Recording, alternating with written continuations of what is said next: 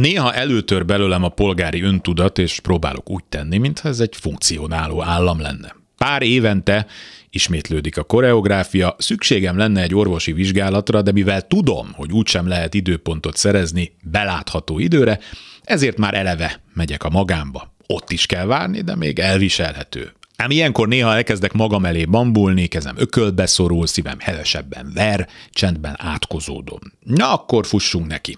Telefon a kerületi szakrendelőbe. Nem veszik fel, géphang javasolja, hogy talán 5 óra után, talán. Legalább nem teszi hozzá azt a mondatot, amit a cégek igen, hogy hívása fontos számunkra. Na, ne nézzük már egymást hülyének, a hátuk közepére nem kívánják a hívásomat, értékelem, hogy a rendelőben nem fotjuk le ezeket a felesleges köröket. Ők tudják, hogy én tudom, stb.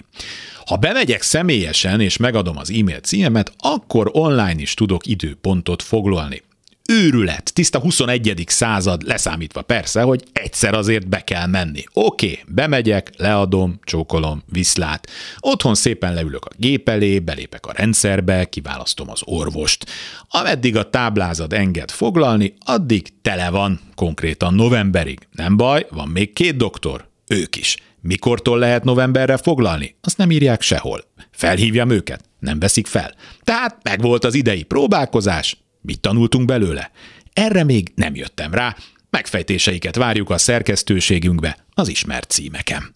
Kárpát Iván vagyok, ez az Esti Gyors, a hírek után kezdünk.